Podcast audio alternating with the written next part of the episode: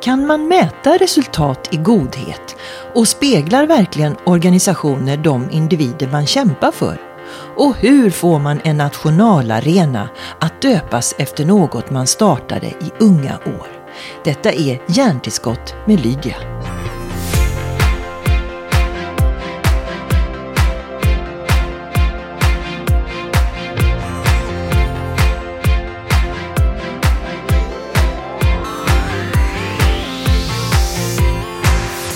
Men detta är så speciellt. Jag eh, blev ju väldigt nyfiken på dig. Det är ju massa saker som är spännande med dig. Och när vi bokar den här tiden så, in, så inser jag plötsligt att Word Anti Bullying Forum är i vägg i vägg där vi är. Ja. Och då tänkte jag Sara, synkronicitet. Ja, verkligen. Meningen. Budskap från universum Ja. att this is meant to be. Ja, verkligen. Ja. Ja. nej, men jag tyckte det var så kul för att jag är ibland ganska dålig på liksom, att planera i förväg. Så när jag gick ut genom dörren, jag bara, jag vet att det är här någonstans. Jag bara, nej men gud, det bara runt hörnet. så, ja, det var väldigt bra. Ja, Jag blir jätteglad att, att du kunde eh, ta dig tid. För du, du är ju inte bara handelsresande i godhet, du är ju också pendlare i godhet. Ja, men just det, precis. Bor i Stockholm och pendlar, eh, förlåt, bor i Skåne Ja. och pendlar upp till Stockholm. Ja, men sen fyra år så liksom är familjen och vår bas i Skåne och sen jobbar jag i Stockholm helt enkelt. Är det så att godheten för det mesta finns i Stockholm? Säger jag med lite ironisk eh, smil. Du, godheten finns nog överallt va? Eh, det är i alla fall min optimistiska syn på, på världen och samhället. Ja. Du, eh, man kan ju börja precis var som helst med dig och det skulle ändå eh, kännas som om man vill börja någon annanstans för det är så mycket på en gång. Men jag, jag tänker vi skulle börja med det mest aktuella. Ehm, Du återvänder till Friends som du startade på 90-talet eh, som ordförande. Eh, Du har ju låtit det där sköta sig självt men inte nu längre. Varför? Nej, precis. Ja, alltså jag skulle egentligen inte återvända själv, utan jag skulle komma tillbaka och välja ordförande. För som grundare av organisationen så står det i våra statuter att jag alltid har rätt att välja ordförande. Och det är ju en viktig grej för att liksom känna att man har kvar lite inflytande, även om det är en ideell organisation och en stiftelse. Och när jag kom tillbaka då, efter fyra år då, hade jag varit borta, eller vad man ska säga, inte varit så engagerad i verksamheten, så tyckte jag att det var ja, men mycket som hade förändrats, så jag kanske inte riktigt kände igen det som jag liksom ville att Friends skulle vara och det jag ville att det skulle bli när jag startade. Så att, eh, och så började jag liksom prata med, med folk internt och jag började titta på, på ja, hemsidan, alltså allt informationsmaterial och så tyckte jag att ja, men det här, nej, det är någonting här som, känns, som inte känns Men bra. det, det, vill, Eh, det vill jag stanna vid. Du säger att det, det, det var något, du var ju inte nöjd riktigt. Nej. Det är väl inget gott betyg för Friends? Nej, men det var nog att organisationen hade vuxit och blivit stor och det är ju positivt och kan vi göra mer skillnad. Men samtidigt så var det också att det blivit ganska tungrot, det var svårt kommande beslut. Jag tyckte inte att Friends var den här liksom, aktivistiska rösten som gick längst fram och liksom satte, liksom, satte agendan, utan snarare kanske jobbade lite mer passivt. Eh, och eh, jag tyckte också att man liksom på något sätt inte till, hade det här tilltalet att ja, men kom igen, alla måste vara med och agera, utan det fanns liksom mer en, en man hade blivit mer som en kunskapsnod. Och jag tänker att Friends kanske behövde gå igenom det också, för att liksom bli, jag menar idag har vi ett stort globalt liksom forum där all världens bästa forskare samlas och pratar om mobbning. Och det är ju supermäktigt. Men jag vill ju gärna liksom att en organisation som jobbar med samhällsförändring också ska, ska springa och vara aktivistisk och liksom ha barn och unga i, i hjärtat av verksamheten. Så att det slutade faktiskt med att jag då helt enkelt föreslog mig själv som ordförande. Mycket, mycket osvenskt och inte så ödmjukt kanske, men, men så blev det. Men du är väl inte den ödmjuka typen? Nej, det, Alltså, nej, när det kanske gäller såna här inte. Nej, saker. det är nog kanske inte. Utan jag, nej, utan då är jag nog ganska, jag brukar, brukar känna att jag har en sån här illed-personlighet lite grann. Att jag liksom på något sätt, man kan aldrig stänga dörren helt till mig, det är hopplöst. Den är alltid så här svängdörr när jag kommer tillbaka, liksom, om jag vill få igenom någonting. Men det är ändå fascinerande. Jag blir stolt både som svensk och stolt över dig som, som individ. Att det där som hände när du var ung har gett ett sådant eko så till och med eh, World Anti-Bullying Forum finns nu. mm. faktiskt, tack ja. vare dig och många andra, men framförallt dig och mm. dina initiativ. Mm. Mm. Ja, nej, men det är häftigt faktiskt. Och idag har jag ju fått vara med på konferensen här och också faktiskt fått mer bara vara med och lyssna och, och liksom njuta av hela organisationen av allting som vi, som vi har liksom samlat under det här taket. Då. Eh, ja, men det är mäktigt. Det är över liksom delegater från 40 olika länder och forskare. Och precis nu när jag gick så pratade man om eh, vad heter det, mobbningen i liksom olika länder i Asien och liksom det perspektivet och vilka förändringar och liksom hur, hur man har snabbat upp ett, en förståelse för problematiken där. Och detta är ju svindlande. Men jag mm. tänkte, jag såg en siffra på Friends hemsida om att mobbingen i Sverige kostar 17,5 miljarder. Mm. Mm. 17 och en halv mm. miljarder och då mm. börjar man ju inse att det här är ju inte bara en snällhetsbusiness. Det här är ju någonting som påverkar hela samhället. Ja, verkligen. Vad är det som kostar? Ja men eh, jättemycket. Jag tänker att det finns väl kanske också, kanske framförallt fanns, tänker jag, inte minst när jag själv gick i skolan, en bild av att liksom, lite så här ska man bli utsatt för att tåla under sin skoltid, för då blir man liksom stark sen. Och så är det ju inte. Jag skulle inte säga att det är mina erfarenheter av att vara mobbad som har gett mig den kraft att göra de saker jag gör idag, utan så är det ju inte, utan ofta så blir det ju någonting som man bär med sig hela sitt liv och otroligt mycket psykisk ohälsa och eh, många barn i skolan som är, jag menar, både ensamma och utsatta och att eh, om inte vuxna kliver in och bryter det och stoppar det så kan det ju fortgå under hela sin skoltid och då kan man bara föreställa sig vilka men det för med sig. Eh, och ensamhet, jag menar det är ju, jag tror att vi alla kan känna igen oss kring just det här med att vara ensam. Och det är väl på något sätt en, en, folk, en folksjukdom idag. Vi har mm. otroligt mycket ensamma människor, både i skolan men även liksom i vuxen ålder. Så allt det här kostar ju pengar. Vad är skillnaden när min unge, eller jag själv också har ju varit med om det. Vad är skillnaden mellan när man kommer hem och säger någon har varit dum mot mig och att det faktiskt är mobbing som man måste beakta?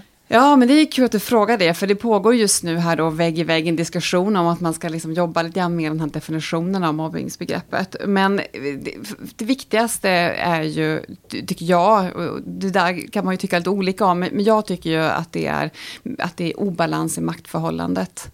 Att eh, om två personer bråkar eller man är oense eller det pågår en konflikt, men man kanske på något sätt är ganska jämlika i den, det är liksom en sak och det är väl också en del av, av livet, tänker jag.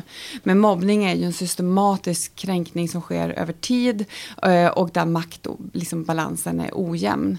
Och att, eh, ja, att eh, det är inte så lätt kanske för den som blir utsatt att stå upp för sig själv. Du, jag tror, jag gissar att många kan känna igen sig att någon gång under sin skoltid så har man blivit eh, mobbad.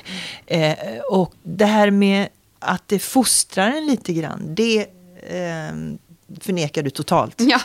Eller hur? Ja, men jag förnekar nog det. För att ingen människa blir liksom stark eller bättre av en systematisk liksom nedbrytning. Eh, och jag menar, tänker jag på min egen skoltid så förlorade jag ju mig själv och min egen personlighet och försökte gång på gång att anpassa mig efter det som för sig gick eller utifrån vad de sa när de kränkte mig. Och det gjorde ju att jag också gick vilse. Så att jag tänker att eh, nej, det, det, blir man inte stark av. Eh, sen är det ju, precis som du säger, att om man är en, ett barn som kanske säger ifrån direkt och liksom lär sig, alltså vi lär våra små barn i en tidig ålder att säga ifrån, hämta en vuxen, be om hjälp. Då kan man ju många gånger kanske stoppa det här innan det går för långt. Men när mobbningen är ett faktum, då kan man inte begära av ett barn att själv kunna liksom lösa det eller fixa det, utan då måste vuxenvärlden träda in och tillsätta åtgärder då helt enkelt för att mm. stoppa det. Eh, eh, jag har läst din bok, speciellt början har jag läst noggrant, mm. hela din uppväxt och ungdom och sådär, mm. tonår. Mm. Eh, ja, eh, dels blev du mobbad, men jag upplevde också att du, du var en introvert eh, unge. Mm. Du var inte så himla road av att hänga med alla heller. Nej. Vilket kom först? Blev du introvert av behandlingen mm. eh, från andra eller eh, var det behandlingen som gjorde att du blev introvert? Vad tror du? Det är en bra fråga. Jag tänker att det kanske var ett sånt här att jag, var, liksom, jag var väldigt intensiv som barn. Att jag tog mycket plats och att jag liksom, jag kommer ihåg att man kunde vara bästis med mig så här, under en kort period. Sen så pallade man inte längre, man blev liksom utmattad. och sen så liksom bytte jag och att jag kommer också väldigt starkt ihåg och skriver mycket om det också, att vuxna kanske på något sätt tyckte att jag var lite så här jobbig att ja, att deras barn skulle ta med mig hem efter skolan eller att jag skulle liksom komma hem och leka för jag tog mycket plats och var liksom... Och det, det har ju såklart, jag menar det har ju präglat hela min barndom att alltid vara den där liksom lite jobbiga barnet. Och det kan jag ju känna igen idag när jag har egna barn att eh, det är klart att det, är liksom, alltså det blir en självrannsakan också. Ibland kan man ju tycka att vissa kompisar är lite jobbigare att få hem än andra kompisar. Och att jag försöker jobba med det, att, liksom, att se mig själv i, i de barnen också. Eh, så att jag vet inte. Jag tänker att det här intensiva, att jag tog plats, såklart kanske ledde till att jag blev en lämplig person att hoppa på. Men jag tror att hade jag kanske då bett om hjälp eller fått hjälp så hade det kanske inte blivit så illa som det blev. Mm. Och egentligen tycker jag att det där var ju som min grej när jag startade Friends, att jag inte gillar egentligen att söka orsakerna hos de som är utsatta. Och tittar man också på tidig liksom, mobbningsforskning och det som jag läste då när jag startade Friends för typ 25 år sedan, så var man väldigt fokuserad på individerna i dramat. Liksom Vilka de, är det som ja, blir mobbade? Ja, är de speciella? ja, och de som mobbar och så skulle man liksom försöka hitta lösningar där. Medan mobbning är ju mycket mer, alltså det, är ju, det handlar ju om ledarskap och liksom samexistens och mycket större frågor. Mm. Du, du du, skriver och pratar ofta om den stora grymma tystnaden. Mm. Mm. Kan du förklara vad det är? Ja, och det är väl på något sätt det jag tror allra mest på, egentligen vilken fråga jag än arbetar med. Och det är ju människors förmåga att gå emot sin egen rädsla och liksom stå upp för det som är rätt och, och säga ifrån och just det här modet och civilkurage. Och pratar man om, jag menar det handlar inte egentligen bara om mobbning utan andra problem vi har i samhället också.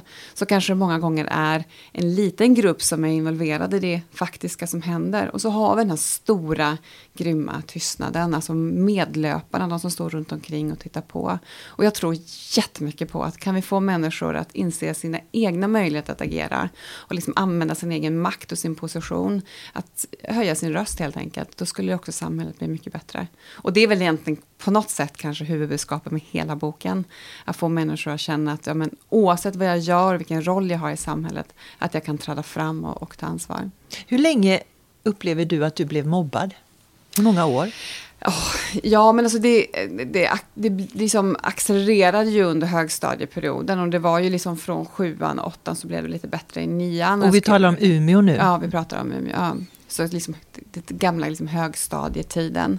Men jag skulle ju inte säga att det var det mest populära barnet under låg och mellanstadiet heller. Men då hade jag ändå kompisar och det liksom på något sätt var ingenting som jag kanske tänkte jättemycket på. Utan det var mer när jag kom upp i tonåren. Men den stora grymma tystnaden mm. bröts ju av ett enda hej. Mm. Och det är så fint beskrivet. Eh, och framförallt så var det av en populär kille. Mm. Vad tog mm. det åt honom att plötsligt säga ja, hej till dig? Ja, ja, nej, det, ja precis vad det var som gjorde Jag tror att det, det var ju på något sätt att det var en del eh, händelser som också på något sätt eh, skapade lite kaos på skolan. Och det, man blev medveten om, eh, det visste man ju redan, men det var väl liksom uttalat att jag var mobbad eller liksom utanför och utsatt och sådär. Och någonstans i den röran så väcktes väl liksom den här personen, den här killens mod. Och, och han var ju, ja men han hade ju liksom den här positionen, han hade också eh, sina följare eller vad man ska säga. Så att det gjorde stor effekt när han bröt tystnaden då och sa ifrån. Och det ledde ju också till att andra personer i min eh, ja, i min klass, kanske, som egentligen kanske inte ville mobba mig, också vågat träda fram. Så att det där, ja, och det är väl också någonstans det som är kärnan i Friends arbete, just att ett hej kan göra så stor skillnad. Och det där gäller ju också, tänker jag, när man sitter på en middag eller när man nu idag, liksom, alltså i alla sammanhang, att man är den där, ibland brukar jag säga den där joj-killen på något sätt som går in och säger, säger ifrån och liksom inte hänger bara på en jargong eller någonting. Har du haft kontakt med honom någon gång nu eh, när ni är vuxna?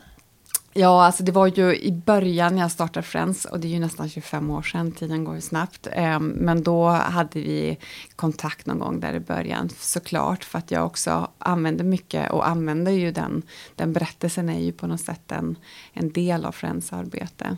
Ehm, ja, och han var väldigt stolt. Och, Alltså när man följer berättelsen om hur du fick Friends att verkligen hitta, så, eh, bli, bli på riktigt så att säga, mm. så är det en väg av den här jobbiga Sara ja. som inte ger sig. Eh, och du hamnar hela vägen in i utbildningsdepartementet mm. och Friends bara växer och växer. Mm. Hur kommer det sig att du lyckas övertala folk. För även om det är en god sak så kräver det lite jäklar anamma. Mm. Har du receptet själv på det? Ja, jag vet inte om jag har något recept, men jag, det är klart att jag har också såklart fått chans att tänka mycket på det när jag har skrivit ner allting nu i, i den här boken också. Jag tror mycket den här att jag, att jag liksom inte ger mig, lite som jag sa med den här svängdörren, att jag, att jag på något sätt bara, jag får för mig någonting, att det kan nästan bli så här, men det här går att fixa. Och jag har en väldigt stark så här, och det har jag ju såklart fått också genom att jag startade Friends så tidigt med en väldigt stark övertygelse att det går att göra förändring och att det går att förändra svåra saker. Eh, och att med den, jag tror att också då när jag var 18-19 år hade jag en väldigt stark så optimistisk idé om att om alla gjorde som jag sa, då skulle liksom allt lösa sig. och det skulle vara mycket svårare idag, för idag kan jag ju så mycket mer och vet att problematiken är mycket mer komplex och svår. Men den optimismen, den smittar det av sig skulle jag säga. Och kanske också ibland fortfarande smittar smittar av sig.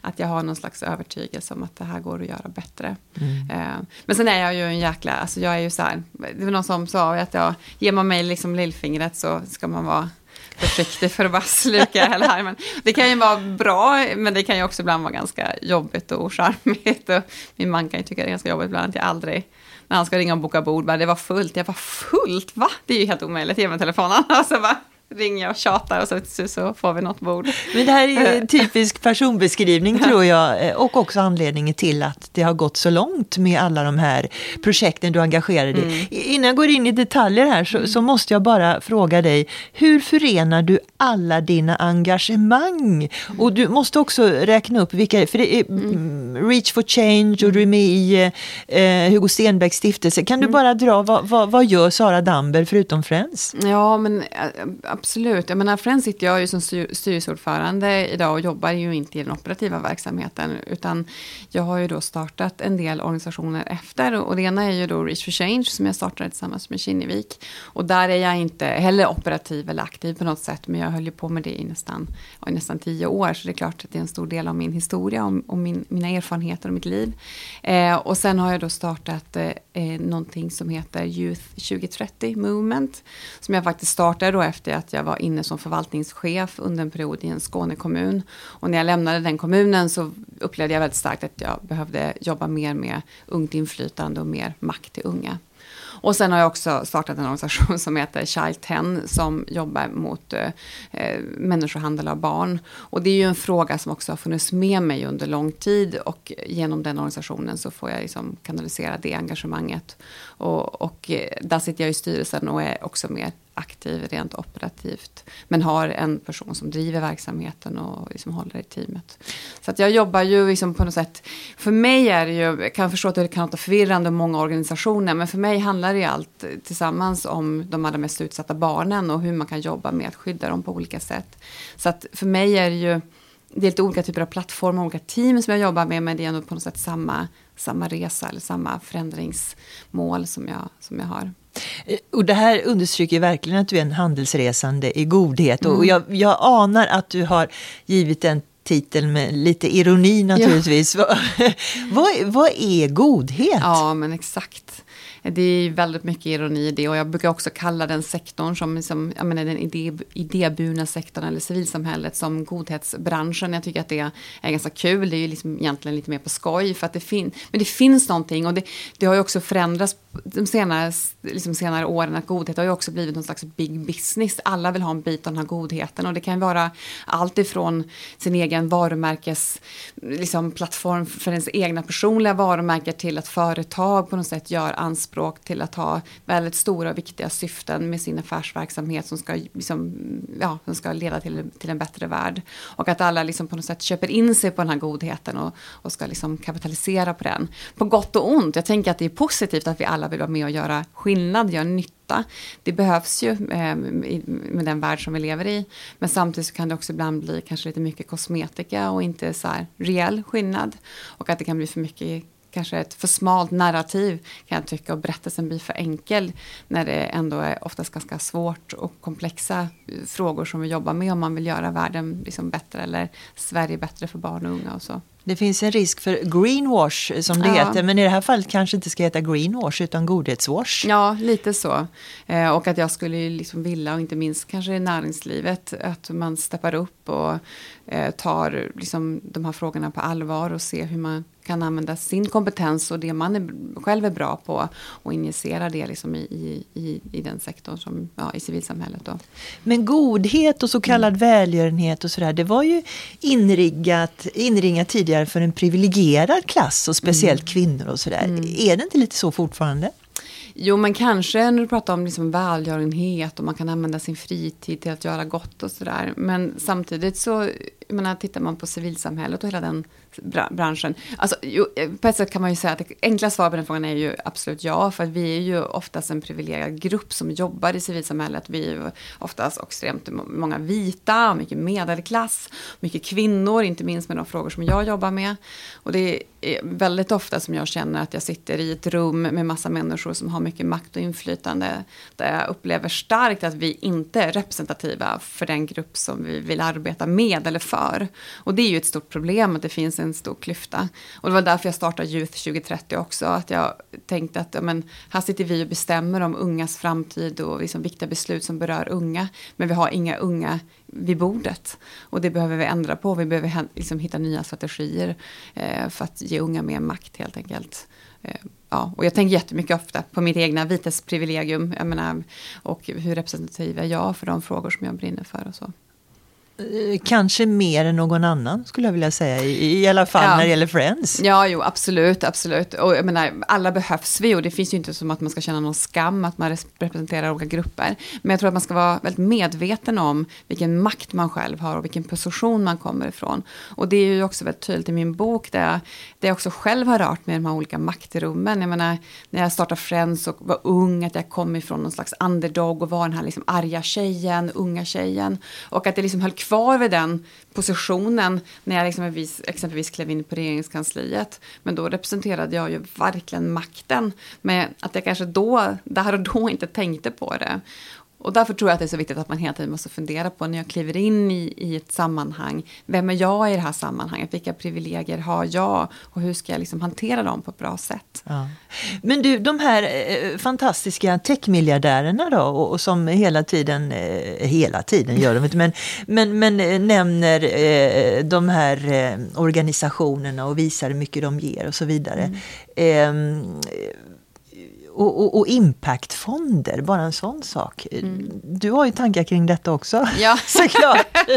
Nej, men jag, jag, menar, jag tänker att min övergripande tanke är ju, som jag sa tidigare, att ju fler som vill vara med och bidra, ju fler som vill göra skillnad, ju bättre är det ju. Och jag menar, vi behöver alla möjliga typer av liksom, arbetsformer och arbetssätt och så för att åstadkomma de förändringar och förflyttningar vi behöver. Och jag tror att vi behöver tänka om och vara mycket mer innovativa än vad vi är idag. Men, men med det sagt så tycker jag också ibland att det kan vara man pratar om en impactfond så, så blir ändå min första fråga, vad är det för impact vi ska åstadkomma? Vem är det som mäter den impacten och vad är det för förändring? Och vad säger man att en impactfond är? Nej, men det kan ju vara att man då liksom investerar pengar i en fond där alla pengar ska gå till eh, liksom business eller företag som gör nytta. Och det är ju toppen att det liksom blir att man liksom hela att pengarna liksom på något sätt hamnar rätt.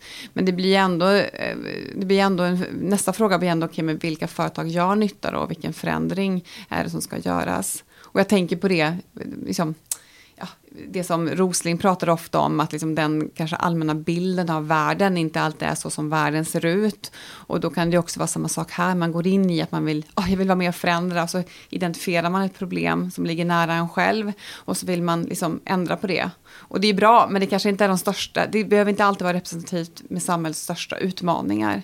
Så att många gånger kan jag känna att de svåra frågorna och frågorna som inte går att paketera eller kommersialisera eller liksom skapa en produkt kring, de glöms bort. Eh, Medan det kanske är de frågorna som, som vi är behöver. Viktigast. Ja, men som är det viktigaste. Som ofta är så här, ja, men det tar lång tid och det är svårt och det går liksom inte att lösa på en tre månaders projekt eller med 400 000 utan det, är liksom, det handlar om värderingar och synsätt och ideologier och, och så. Man kan väl nästan tolka det som att man borde mäta godhet mer konkret mm, mm. för att kunna säga vilka projekt som ja. har gått bra eller inte. Och det är ju supersvårt. Ja, det är hur, supersvårt. Hur ska man klämma ur en sån kalkyl? Nej, men det finns ju, vi har ju många, tycker jag, nu som metoder och många mm, liksom, verksamheter. Vi har blivit, jag skulle säga att hela sektorn har blivit mycket, mycket duktiga på att mäta sin, sin impact. Um, och liksom sätta tydliga, och jag fick ju tränas mycket i det när jag jobbade med Kinnevikgruppen. Då var det liksom KPI och det var liksom, allting behövde visas med, med mätbara resultat. Och det var en jättebra skola tycker jag, att få jobba liksom med kommersiellas högborg och få se liksom hur, de, hur de mäter och följer upp sina, eh, sina resultat. Och att anamma det också liksom, när man jobbar då med godhet eller man jobbar med samhällsförändring och, och så. Men, men det är ju såklart svårt och det krävs också tålamod. Um, och jag tänker att vi i civilsamhället, om jag får liksom, där jag ändå känner att jag, jag står med mina fötter, vi är nog ganska trötta på de här kortsiktiga liksom, målen och projektbidragen och att vi ska åstadkomma stora grejer och innovativa saker under liksom, ett år eller två år, ibland liksom sex månader.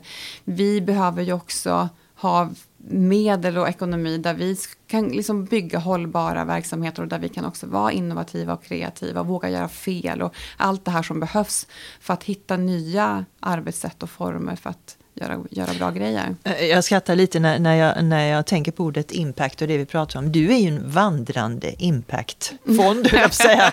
Eh, och, och, och, Ingen fond. Ja, inte fond kanske, men, men eh, impactmänniska. Och, och, och, hur lyckades du få arenan att heta Friends? Ja. Du, du, jag menar, då var ju inte Friends, hur gammalt var Friends då? Ja, det var 2012, så att, eh, jo, men vi var några år. Många år var vi? 15 år kanske ja. var vi då? 10 år sedan, ja precis. Men ändå när det är så många företag som slåss över det där. Eh, ja, men hur det, gjorde du? Ja, men det var ju väldigt mycket liksom, på initiativ av Swedbank. Och vi hade ju jobbat tillsammans med Swedbank i många år och gör ju fortfarande. Och där var det ju deras ledning som på något sätt hade kommit fram till att vi behöver inte mer kännedom, vi behöver mer gillande. Och då var det ändå ganska kontroversiellt, eller var väldigt kontroversiellt ska jag säga. Det var inte superenkelt för dem från, att gå ifrån idé till att få igenom det med hela arenabolaget och liksom den styrelsen och fotbollen. Och fot de köpte rättigheterna och gav bort till er ja, helt enkelt? Ja, exakt. Så var det. De hade köpt rättigheterna långt innan och sen när liksom eh, arenan började materialiseras då, då kom de på att de behövde mer, liksom göra någonting annat mer än att bara smälla upp sin egen logotyp och då föddes den här idén. Sen höll vi visserligen på då, jag tror vi höll på i två år. Att få med oss inte minst Svenska fotbollsförbundet och andra. För det fanns ju en... Ja, men det, fanns liksom det kan man väl säga, Peab och Svenska fotbollsförbundet ja. Tyckte inte Nej, de tyckte om inte. den här Nej, idén. Tyckte de, inte. de tyckte eh, att vi problematiserade liksom, idrotten och att vi på något sätt skulle måla upp problem på någonting som ska vara bara lystfyllt. Men det vet ju alla människor att idrotten också är en arena för väldigt mycket Verkligen. utslagning och eh, kränkningar och liksom dålig, dålig, dåliga miljöer. Men det där var känsligt. När Friends började jobba med, med och liksom mot idrottsvärlden så var det känsligt. Eh, det, det, var inte riktigt, man, man var inte där, man tyckte inte att mobbningen hörde hemma. Frågan kring mobbning hörde hemma där. Mm. Så det, ja. det förtydligar väl ännu hur, hur, viktigt det är att faktiskt prata om sakerna och inte kalla dem för någonting annat ja. som, ja. som uh, skyller över det. Mm. Pia, varför var de sura då? Men jag, tror att det var, det var liksom en tanke som inte... Det kändes bara konstigt. Jag tror att det var också ganska svårt att förstå att en sånt stort kommersiellt bolag ville ge bort någonting så hiskligt dyrt och, och värdefullt som ett arenanamn till en ideell organisation som visserligen var liksom hållit på länge och var kanske ganska känd i skolans värld, så var vi ju ändå inte jättestora. Eh, Fantastiskt, en mm. fantastisk, eh, fantastisk historia. Mm. Eh, du pratar också om informationsekonomi och syftesekonomi. Mm. Ja, men jag tycker det här med syfte, liksom det här syftesracet eller, eh, som, har, som har skett under de senare, ja, kanske de senaste tio åren, tiden går snabbt, men där, jag menar när jag startade Friends i början av 90-talet, då pratade man ju inte om Eh, CSR eller hållbarhet alls på det sättet. Jag kommer ihåg att man pratade om något som hette så här, humansponsring. Då gav man lite, kanske lite pengar till någon ideell organisation. Annars var det ju mest att man stöttade så här, idrottsföreningar och kunde ens egna barns idrottsföreningar och så. Så det var ju också som som en resa, det har ju varit en parallell resa för mig hela tiden att jobba liksom med näringslivssamarbeten. Som såklart liksom på något, hade sitt crescendo i hela mitt arbete med Reach for Change och Kinnevik. Som ändå var där 2009, precis när hela den här CSR-boomen kom och alla företag börjar prata om hållbarhet och så. Men det som jag har sett under de senare, senare åren då är ju det här med att man är så om man också sett det, om man tittar på så reklam och reklamkampanjer som görs, så ser vi att väldigt mycket av den syftesdrivna liksom, reklamen kommer från just kommersiella bolag. Och tittar man tio år tillbaka så var det i stort sett bara ideella organisationer som hade den typen av kommunikation. Vilket gör att det är så svårnavigerat, tänker jag, för allmänheten. Ska man liksom dricka Oatly-mjölk eller ska jag ge pengar till BRIS? Eller liksom, hur, ska, hur gör jag mina goda, ja, mina goda handlingar? Det är enorm konkurrens faktiskt. Ja, och sen så kan jag också ibland då, det finns ju massor massa företag som gör otroligt mycket bra grejer och tar stort ansvar och följer sin egen liksom, leverantörskedja och allt det här som man måste göra för att vara liksom, ett, ansvarstagande företag. Men det finns ju också en hel del exempel på där man har kanske tagit in reklambyråer som har gjort snajdig reklam för att paketera sin kommersiella liksom, produkt eller idé med någonting som kanske ger sken av att vara någonting helt annat. Det finns ju behöver inte nämna någon, det finns ju många exempel på det, eh, där helt andra saker göms bakom reklamen. Och det, det, det, det är ju problematiskt tänker jag, för det blir också, är du då inte insatt i, jag menar i det kommersiella eller i det ideella så kan det vara svårt att veta hur jag ska navigera för att vara den här medborgaren som jag kanske vill vara. Eh, ta ansvar. Jag tycker det är svårt att bara reda ut vad är skillnaden mellan CSR och hållbarhet. Ja. Eh, det är ju ändå två begrepp som många företag använder flitigt i sina eh, rapporter. Ja, I slutet på, på alla siffror. Ja. Eh, hur ska man, alltså, eller ska man ha något tredje ord? Nej, jag vet inte.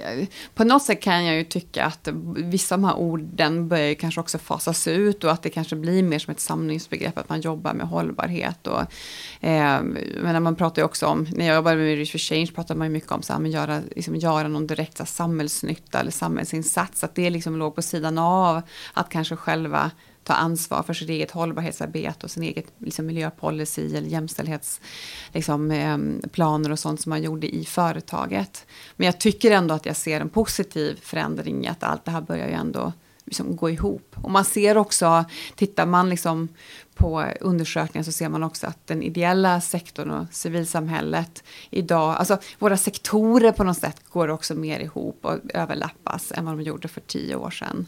Eh, där vi var väldigt så här, sektorsbegränsade liksom, och liksom arbetade mer Nu pratar ni med varandra i alla fall. Ja, men nu pratar med varandra. Jag tycker vi rör oss emellan. Jag menar, man, vissa liksom, kliver över på civilsamhället från näringslivet och vice versa. Och så där. Och jag tror att vi ser att vi alla behövs och att vi har olika roller och, och så. Däremot kan jag ju tycka liksom att civilsamhället behöver eh, Alltså vi, behöver, vi sitter ibland i baksätet kan jag tycka. Att istället för att sitta liksom i framsätet och att vi kanske behöver på något sätt gaska upp oss lite och ta mer plats. Och vi har en unik expertis som andra inte har och den, den ska också liksom premieras.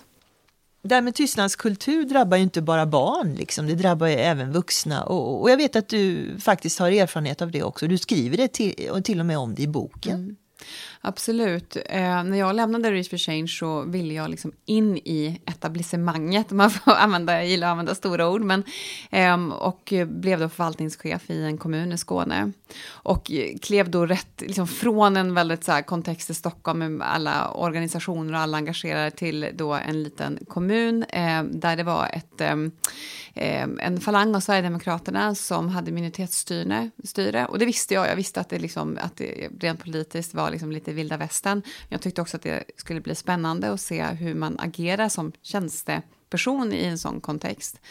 Men klev ju liksom in i någonting som, eh, det var helt, alltså från första dagen så var det så här, gud, vad, vad, har, jag, vad har jag hamnat? Eh, och det var så mycket vardagsrasism och det var liksom politiker som hade spridit skräck i förvaltningen. Och det var en så stark tystnadskultur, en sån rädsla att träda fram.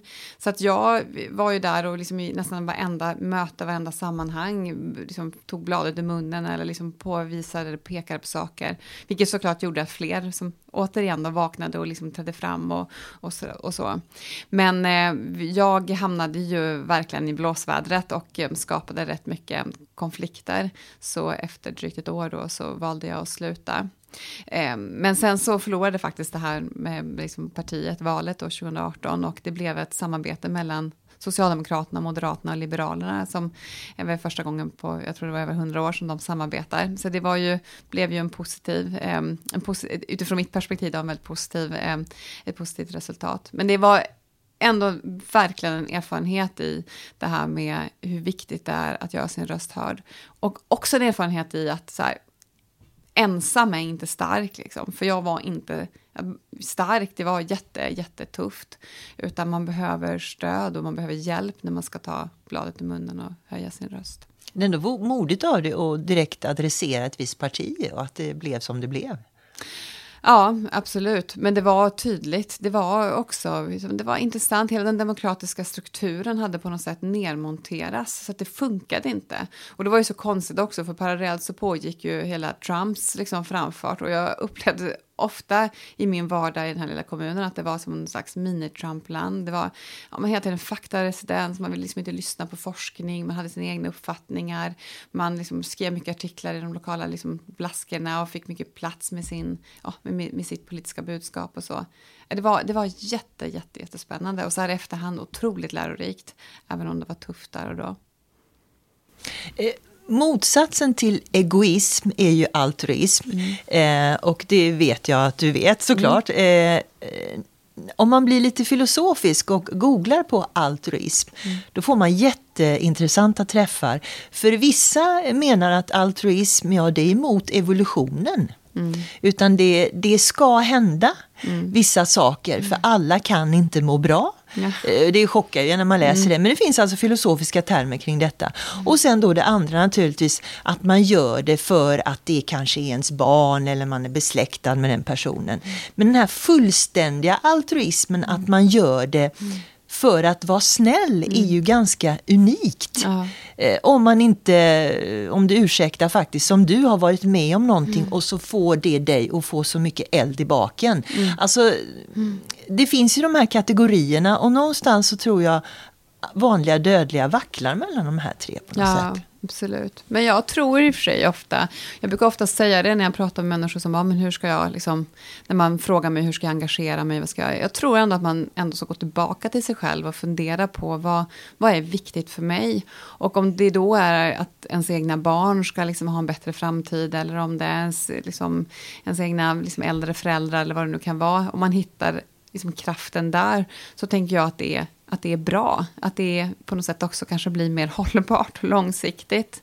Ehm, så jag tänker att vi alla, vi alla jobbar ju med vår egen, våra egna erfarenheter, vår egen historia eller liksom det vi ser framför oss att vi vill uppnå och sådär. Och att det inte behöver inte vara motsats. Ehm, eh, jag tänker att det är jag vet att eh, jag menar det här med som man brukar prata om, så här, kan man göra gott och tjäna pengar? Det brukar ju i svensk kontext, internationellt är ju inte det så stor grej, men i svensk kontext kan det där, eh, och många, jag kommer ihåg när jag startade Friends, jag var ute och föreläste och jag var på en skola mellan åtta och fem i tre dagar, så kunde de ändå fråga mig så här, men vad jobbar du med? Liksom. Det kanske man inte riktigt gör idag, men det var ju ändå någon slags syn att jag var där då ideellt. Eh, för att det är liksom den traditionen vi har. Och det tänker jag, det börjar ju förändras. Eh, och att det behöver inte, jag menar, jobbar man i det civilsamhället ska man ju såklart ha en skäl och en bra lön så att man kan liksom leva på det och, och, och fortsätta jobba med den professionen som man har. Så att det, det, finns ju någonting där med det här ideella engagemanget som vi ändå, jag menar hela vårt civilsamhälle med föreningsliv och allting bygger på att föräldrar ställer upp och tränar sina barn gratis och sådär. Så det finns ju något väldigt fint i det och i hela vår folkrörelse. Men samtidigt så tror jag att vi behöver också våga se att vi professionaliserar och vi för ihop olika sektorer och vi kan jobba med impactfonder och sånt också. Allt för att på olika sätt med olika perspektiv skapa liksom bättre förutsättningar för, för våra barn och för, för oss själva. Men jag tänker, nu vart det jättelångt utlägg på din fråga, men jag tänker att det ändå är okej okay att ösa sig själv och jag tänker att för mig så är det såklart att min kraft också ligger i mycket att jag Ja, men jag vill se en förändring. Jag vill kunna vara stolt inför mina döttrar att jag var med och bidrog till att de fick bättre förutsättningar för, för sina barn och sina barnbarn. Liksom. Nu ska vi visualisera lite. Kan du tänka dig en parkbänk under en trädunge? Där sitter unga Sara. Mm. Och så går du till unga Sara och så har du chansen att säga någonting till henne. Det här är ju ganska spännande, jag har gjort det med mig själv. Vad skulle du säga till henne då? Ja, gud. Ja, men jag, jag måste säga att jag faktiskt upplevde, kanske inte riktigt en men jag upplevde nästan en sån där jättestark flash. Det var för någon vecka sedan bara när min bok kom ut. Och så var det en stor artikel i DN. Och så bara såg jag mig själv och så den här rubriken och sådär. Och så kände jag, men gud, det är typ exakt samma artikel som det var ja, men vet, för 25 år sedan när jag startade Friends. Det var liksom samma narrativ, samma berättelse, det var samma exempel. Och så bara slog det mig, alltså det var som en dubbelhet. Det var både så här, ah, fan, hur hade jag känt som 18-19-åring om jag visste att man skulle skriva samma sak 25 år senare? Alltså jag hade ju typ blivit ganska nedslående, tänker jag. För jag var ju så optimistisk och tänkte att det här kommer att lösa sig. Och sen har det på något sätt, det har ju inte löst sig, det har blivit bättre men det har inte löst sig. Så det kändes på ett sätt ganska deppigt, jag blev ganska tung.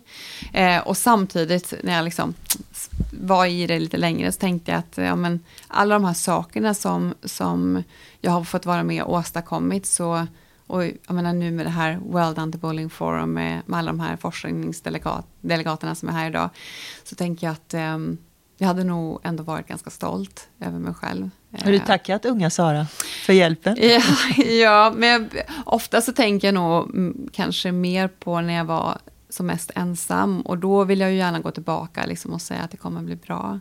För det trodde jag ju inte. Och det tror man ju sällan. Då skulle jag vilja liksom ta min hand och säga så här, men det kommer bli bättre. Liksom, håll ut, det kommer bli bättre. Mm. Och det gör det ju så småningom med rätt hjälp. Ja, det blir det ju. Tack Sara för att du mm. kom hit och lycka till med allt. Ja, tack snälla för att jag fick komma hit.